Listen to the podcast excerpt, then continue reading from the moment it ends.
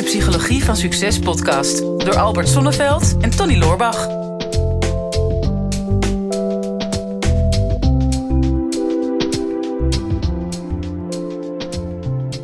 Ik ben altijd zo blij dat we een hele diversiteit aan vragen krijgen. En deze hebben we nog niet eerder gehad. En dat gaat over hooggevoeligheid, Tony. Ja, hooggevoeligheid. Ja. Ja, dat is ook Eh, een moeilijk onderwerp wel.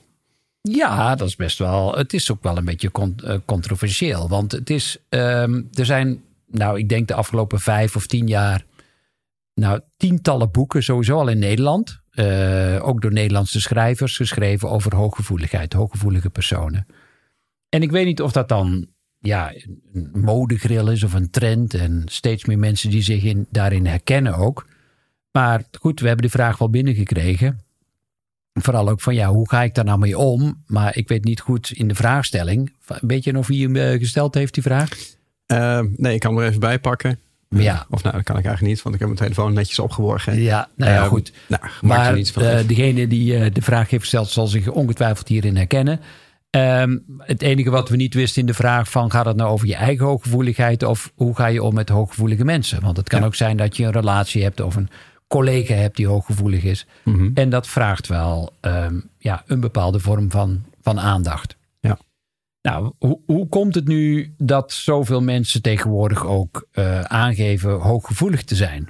Ehm, nou, als je ten eerste denk ik, als je op internet gaat kijken en je gaat een vragenlijst invullen die, eh, nou ja, in, in, in meervoud eh, circuleren op internet en ook de boeken die gaan over hooggevoeligheid. En je gaat zo'n vragenlijst bekijken. Ik weet niet hoe het met jou is, eh, Tony, maar he- heb jij wel zo'n vragenlijst eh, ingevuld? Nee, ik heb wel even snel gekeken naar eh, wat zijn nou de gemiddelde symptomen van waar je je in kan herkennen. Ja. En ehm, er was heel veel waar ik me in herkende, maar heb ik mij nooit als een heel gevoelig type gezien. Laat staan een hoogsensitief type. Ik Ja. denk niet dat ik dat ben. Er zit heel veel eh, containertermen natuurlijk in. Hè? Dus, Hm. dus je, je bent ook geneigd om je daar snel in te herkennen. En dat vind ik eigenlijk ook bij testen voor bijvoorbeeld ADHD en andere dingen die, die heel erg eh, actueel zijn. Dat, je, dat heel veel mensen snel het idee hebben dat ze iets hebben, terwijl ze dat misschien eigenlijk helemaal niet, eh, Hmm. niet volledig hebben. Ja. Nou ja, dus ze herkennen zich erin. En ik wil het zeker niet bagatelliseren. Hè, want ja, ik denk dat ik zelf ook wel een bepaalde gevoeligheid heb. Ik denk trouwens van jou ook. Het is, Toch wel. Ja, ik denk dat ik de diagnose bij jou ook mag stellen, toch, Donnie? Ik ben wel heel gevoelig voor vrijdagmiddagborrels, merk ik. En voor complimenten. Ja. ja. Nee, maar het is in de, in de kern, kijk, iedereen heeft natuurlijk wel een bepaalde gevoeligheid. Ja. Ehm, eh, de, de een heeft een wat hoger empathisch vermogen dan de ander. Als het echt om hoogsensitief gaat, dan is dat natuurlijk eh, buitensporig in de zin van ehm, eh, snel geëmotioneerd. Ehm, dat je heel makkelijk aanvoelt hoe iemand anders zich voelt. Hè? Dus dat je een humeur kan overnemen, dat je een emotie kan overnemen. Ehm, ja, dus de emoties aan de, aan de oppervlakte. Ja, en ook gevoelig voor licht en geluid en voor prikkels. Ja. En dus aan de ene kant zou je kunnen zeggen: Goh, maar waarom zijn er dan zoveel boeken over geschreven? Is aan de ene kant natuurlijk doordat steeds meer mensen zich erin herkennen. Hè, Mhm. Want dat is vaak zo. Als je die vragenlijsten gaat invullen en zegt: Goh, ik ben het ook. En dan valt er in eerste instantie best wel een hele last van die schouders af. Want er is vaak veel onrust en veel stress bij die mensen. Nou, wij hebben een mini-cursus Leven zonder stress. En daar hebben we ook al veel over behandeld. Is dat steeds meer mensen ook gestrest zijn. En de symptomen bij, van die stress steeds eerder bij zichzelf gaan herkennen. En er is ook veel overprikkeling. Dat is natuurlijk de andere kant. Eh, we leven in een maatschappij waarin er steeds minder tijd is voor herstel. En dat er steeds meer prikkels bij zijn gekomen. We zijn de afgelopen 20 jaar 1 uur en 20 minuten minder gaan slapen. Dus je hebt ook veel minder veerkracht of weerstand tegen die prikkels. Mhm. Dus ehm, aan de ene kant is misschien bij bepaalde mensen ook wel de gevoeligheid toegenomen. Het vermogen om te herstellen is verminderd. En tegelijkertijd zijn de prikkels toegenomen. Dus dat zijn drie pijlers of drie grote knoppen. ehm, waarop je, waaraan je kunt draaien om uiteindelijk ook voor een bepaald, op een bepaald niveau ook invloed te kunnen hebben op je hooggevoeligheid. Mhm. Nou, dan is er nog iets bijgekomen, is dat eh, er is ook een Belgische hoogleraar. En Volgens mij heet ze Elke Gerards. Die heeft ook een boek geschreven over eh burn-out. En die noemt ook expliciet hooggevoeligheid ook als een, een extra reden om eerder op te branden. Mhm. Ehm, nou ja, dat is altijd weer, wat is er eerder, kip of het ei, of oorzaak en gevolg. Uh, maar ik kan me zomaar voorstellen dat inderdaad, als je al gevoeliger bent voor prikkels, moet je nog, nog beter aan stressbeheersing doen in je leven. Mhm. Want misschien loop je ook wel eerder risico om burn- burn-out te raken. Ja, nou, eh, ik kan me herinneren, wij hebben ooit ehm, eh, in een ver verleden, toen, eh, toen eh, ik jou vroeg om mij te gaan coachen. Hm. En toen hebben wij dit onderwerp ook een keer bij de kop gehad. Want ik kan me herinneren dat wij een keer ergens in een restaurantje hadden gezeten. We hadden even geluncht of even koffie gedronken. En toen zei jij tegen mij van, eh, jij zit hier nu midden in dit restaurant. En er zaten allemaal tafeltjes om ons heen. Toen nog niet op anderhalve meter. Ja. Laten we zeggen dat er een man of 40, 50 in dat restaurant zaten. Ja. Hij zei, jij, jij, jij bent je op dit moment waarschijnlijk bewust van wat er aan al deze tafeltjes om je heen gebeurt. Hmm. En denk, ja, dat klopt. Op zeker niveau ben ik met, met al die mensen en al die gesprekken, die heb ik heel bewust, heb ik die ergens. En ehm, heel erg op een ingezoomd niveau, zeg maar. En toen, toen heb je mij geleerd van, je moet leren in- en uitzoomen. Ja. Ehm, dat was voor mij al wel een belangrijke stap. Omdat toen was het even heel praktisch op de omgeving. Van je pakt alle prikkels uit je omgeving op. Omdat je ingezoomd bent hier. En je moet eigenlijk even boven jezelf uitstijgen om uit te zoomen. Ehm, en om al die prikkels los te laten. En je gewoon alleen maar te focussen op waar jij mee bezig bent. Ja. En ik had daar heel veel aan, ook in de rest van mijn leven. Ook gewoon bijvoorbeeld in mijn business. Want in business, in je werk, ehm, kan je ook heel snel in het ingezoomde raken. Dus, dus bijvoorbeeld ik als ondernemer, ik zit op een uitgezoomd niveau.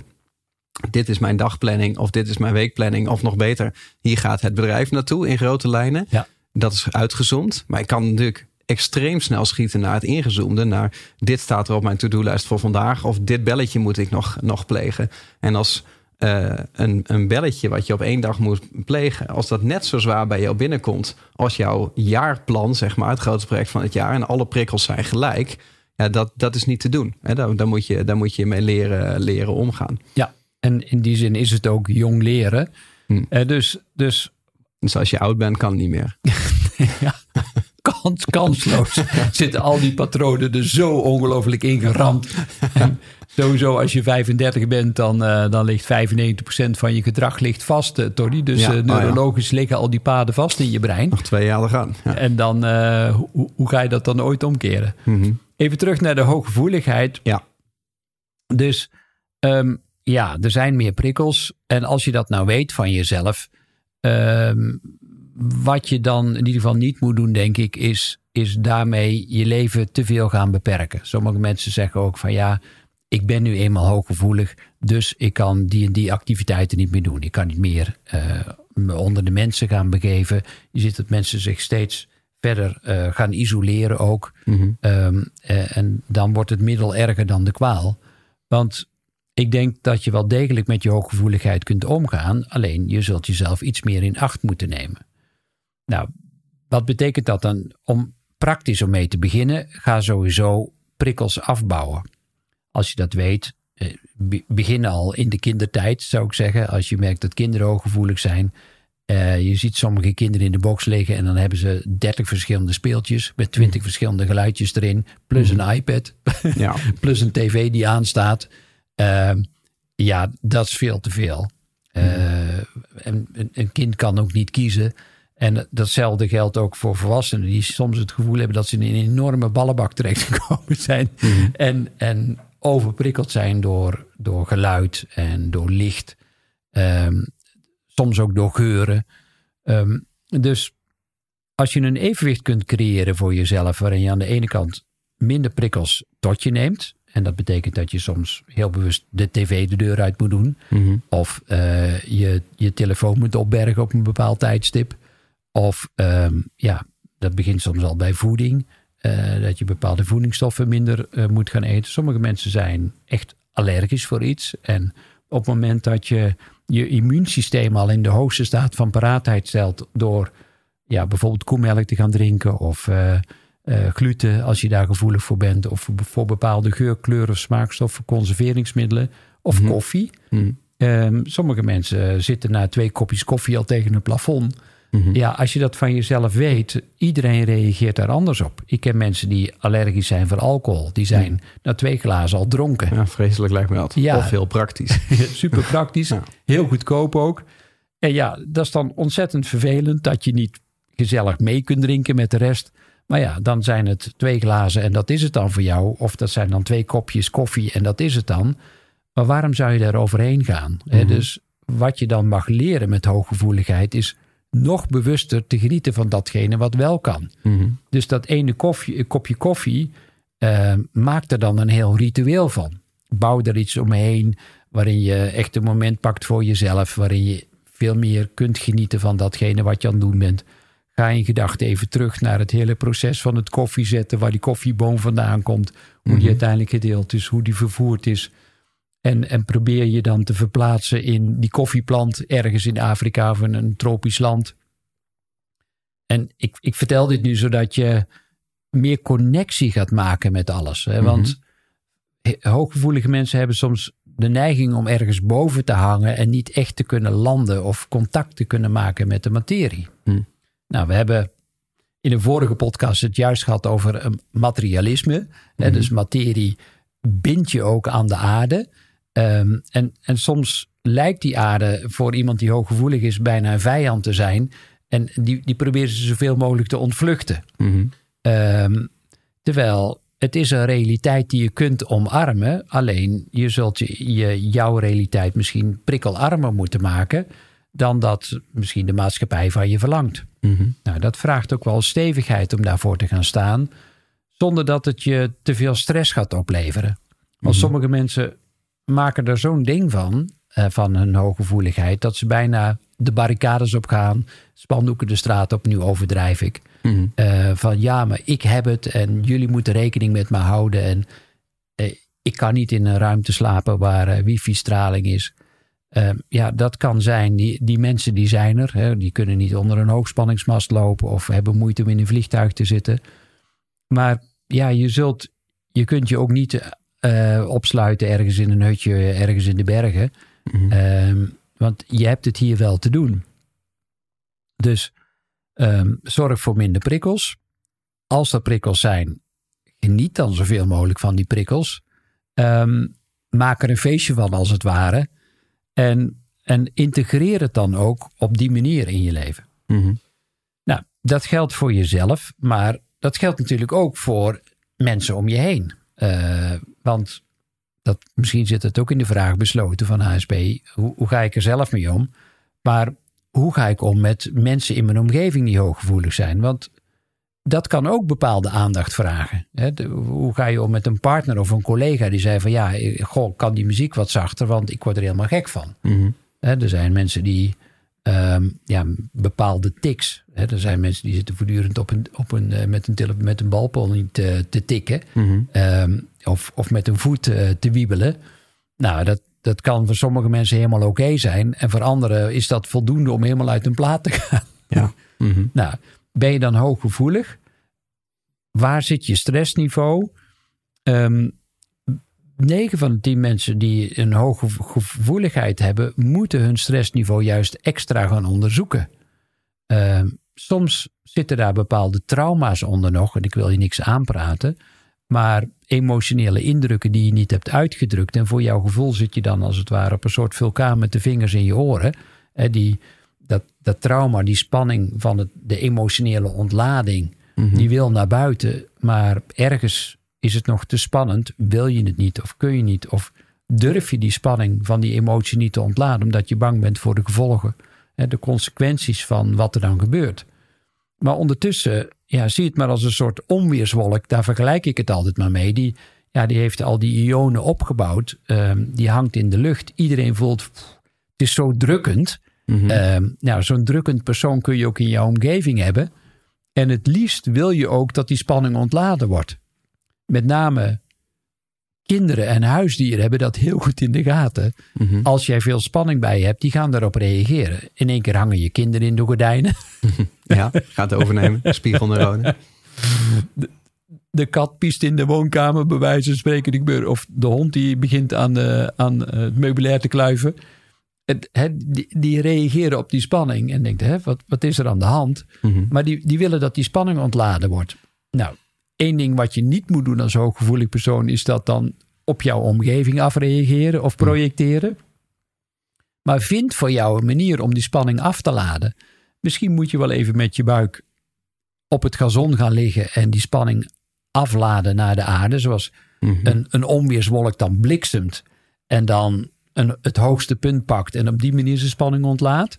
Of misschien water helpt heel goed. Hè? Dus eh, zwemmen of eh, eh, wa- water wat je in bad kunt laten lopen. En je vult dat wat aan met badzout of Himalaya zout. Of in ieder geval iets wat zout is. Wat ervoor zorgt dat je op die manier je spanning kwijtraakt. Veel mensen merken als ik maar eenmaal gedoucht heb. Dan is het ook weer lekker. Ja.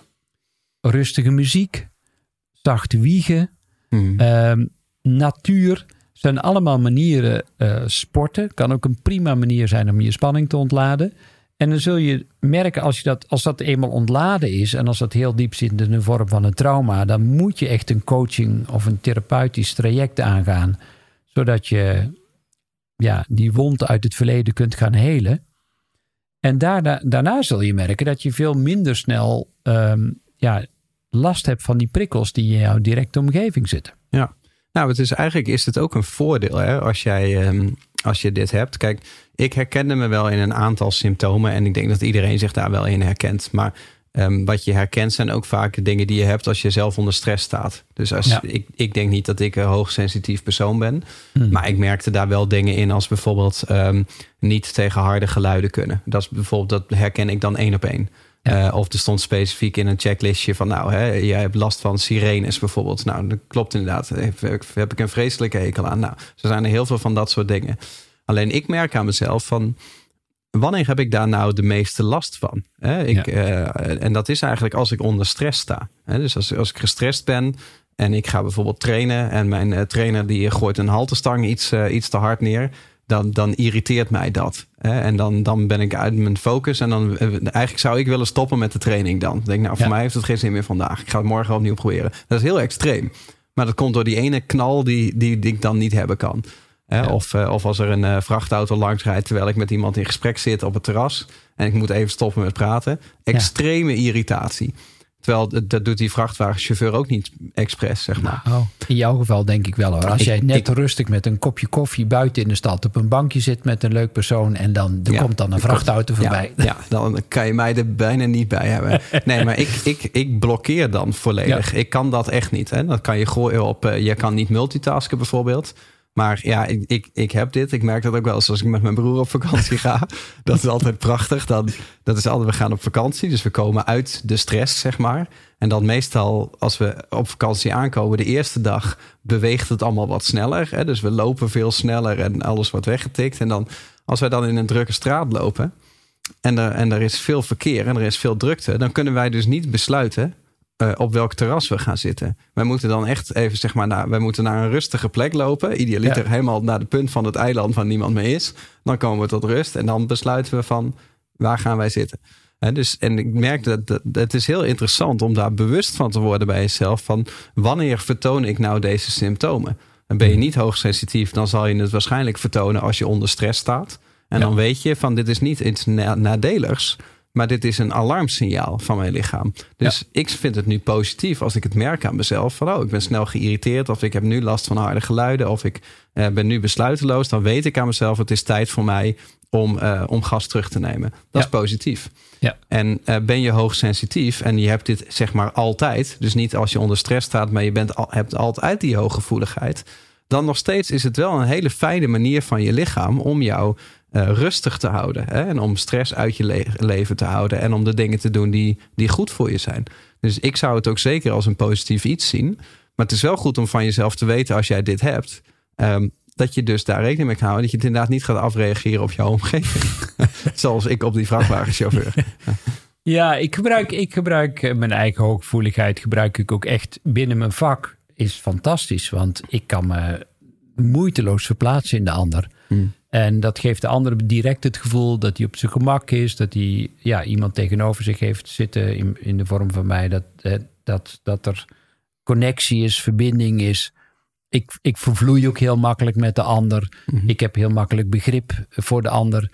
Dus eh, daardoor heb ik ook heel snel mensen bij me. Dus, dus dat is ook een hele mooie eigenschap.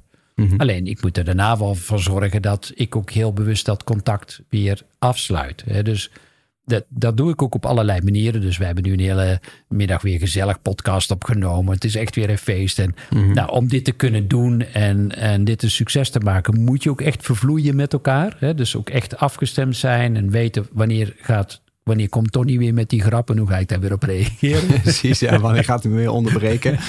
Weer uit mijn verhaal halen. En, maar als ik dadelijk naar buiten loop, dan doe ik de deur heel bewust dicht. En dan sluit ik dit stuk ook af. En als ik dan in de trein stap en naarmate dat ik dichter bij huis kom, neem ik ook letterlijk en figuurlijk meer afstand. En dat is, dat is dan niet onaardig bedoeld of uit contact gaan, maar dat is meer mezelf dan weer compact maken en weten: oké, nu ga ik weer in een volgende fase of een volgende periode. Nu kan ik en dan mag ik mezelf ook weer losmaken. En daarna, als ik thuis ben, dan check ik ook nog altijd nog: is er nog iets in, in de ontmoeting wat nog eens blijven hangen? Heb ik misschien een lullige opmerking gemaakt waar ik achteraf spijt van had? Of eh zijn nog iets wat ik als compliment had willen geven wat ik niet gedaan heb? En dus zo ga ik voor mezelf ook een lijstje na van... Is er nog, is er nog ergens een, een soort navelstreng? Dat klinkt even gek, maar eh, die er nog is, waar, waarop nog energie heen en weer kan bewegen. Kan ik dat eh, doorknippen? Of, ehm, ja, of, of moet ik dat alsnog even afhandelen voordat ik weer letterlijk en figuurlijk in mijn eigen bubbel terecht kan komen? Ja, dit is voor jou, weet ik. Wij hebben het hier in het verleden wel eens over gehad. Jij hebt natuurlijk onvoorstelbaar eh, veel mensen gecoacht. Ja. En eh, heel veel problemen aangehoord van, eh, van mensen. Hmm. En ik maakte daar in het verleden bij jou als een grapje over. Hè, dat je eigenlijk een soort van messias was. Van hè, mensen praten hun problemen tegen jou aan. Dan zijn zij ze kwijt. Maar vervolgens had jij ze dan. En dus je had niet hun problemen. Maar je, had het, je nam het echt als een spons in je op. En dan was heel vaak als jij een coachingsweekend had gedaan of, of een drukke periode had gehad, dan zaten al die stress en al die dingen die de mensen kwijt waren, jij had dat dan. En dan werd het vaak migraine of dan had je daar echt fysieke klachten van. Dan moest Ja. je dat weer ontladen. Ja, Maar daar ben je nu beter in geworden om dat meteen af te sluiten. Want Ja. dat lijkt me best wel moeilijk, toch? Ja, zeker. Nou ja, er is. Ik, ja, het klinkt. Ik heb veel meegemaakt, waardoor dat steeds minder me ook echt raakt. Hè. Raakt in die zin van ja, dat ik me dan hulpeloos of hopeloos voel dat ik die ander niet kan helpen. Dat is dan mijn helpersyndroom. Ehm, hè, dus dus daar, dat kan ik veel meer laten en veel meer relativeren ook. Dus, dus door de tijd heen heb ik ook wel geleerd om dat bewuster af te, eh, te ronden. Alleen de thema's in mijn leven waar ik dan zelf nog mee rondloop, dat zijn dan nog dingen die me nog raken. Als ik bijvoorbeeld, ja, als ik iets lees of hoor over kindermisbruik bijvoorbeeld, dat, ja, dat vind ik bijna onverteerbaar. Dat, weet je, als ik dan een cliënt krijg die daarmee te maken heeft gehad, of waarvan ik weet dat, dat, dat ik een dader tegenover me zit die dat heeft gedaan. Dat zijn dingen die ik gewoon moeilijker los kan laten. Niet dat ik zelf in mijn jeugd misbruikt ben, maar dat, dat heeft wel, ja, dat, dat, he- dat, heeft, dat heeft nog een bepaalde zwaarte waar ik niet makkelijk uit los kan komen. Maar voor de rest, ja, gekker dan de waarheid wordt het niet, Tony. Dus Nee, in, die, in die zin heb ik al veel meegemaakt. Nee, maar ik denk dat als je hier nou naar zit te luisteren en, en, je, en je hebt dit, dat je hoogsensitief bent en je hebt moeite om daarmee om te gaan, dan is het fijn om te weten dat het dus wel beter dat je, dat je het kan trainen. Het wordt beter. Ja, absoluut. Hè? En dat is iets wat jij natuurlijk ook gewoon je leven lang eh, hebt, eh, hebt eh, ontwikkeld. Ja. Dus ik zou ook zeker het positieve ervan inzien. Weet je, je hebt, je hebt, ja, je hebt versterkte gevoelens, je hebt versterkte emoties. Dus in sommige, in een bepaald as- aspect ben je superieur aan andere mensen die dat niet hebben. Als we nog met z'n allen vroeger eh, in, eh, op de prairie leefden, of ik weet niet waar we leefden, maar ergens in eh, donker Afrika. Dan, dan was jij een meerwaarde in de groep. Hè? Als jij hooggevoelig bent en de ander niet. Dan betekent dat jij sneller dingen opmerkt. Ehm, dat je sneller bewust bent van gevaar. Dat evolutionair moeten die mensen er zijn in, in de groep. Dus zie dat als een positief iets. Hè? Omarm het. Zie het gewoon als een manier van je lichaam om aan te geven wanneer, wanneer het te veel is. Ehm, en probeer ook gewoon daar anderen mee van dienst te zijn. Ja. En dan denk ik dat je gewoon eh, een hele mooie zegen hebt met hoogsensitief zijn. Dus heb je naar deze video zitten kijken en denk je, nou, hier herken ik me wel in. Ik ben eigenlijk ook hoogsensitief. Dan eh, ben ik benieuwd. Laat even weten, ja, hoe ga jij hiermee om? En misschien heb je tips voor, eh, voor andere kijkers, luisteraars, hoe hiermee om te gaan. Of heb je iemand in je omgeving die dat heeft en heb je iets toe te voegen aan dit gesprek? Dan horen wij het natuurlijk heel graag. Ook kun je ons vragen stellen. In de omschrijving van de YouTube-video vind je linkjes naar onze website. Dan kan je ook een vraag insturen. En dan uh, ja, wellicht dat we jou in een volgende aflevering jouw vraag dan gaan beantwoorden. Dit is de Psychologie van Succes podcast door Albert Sonneveld en Tony Loorbach.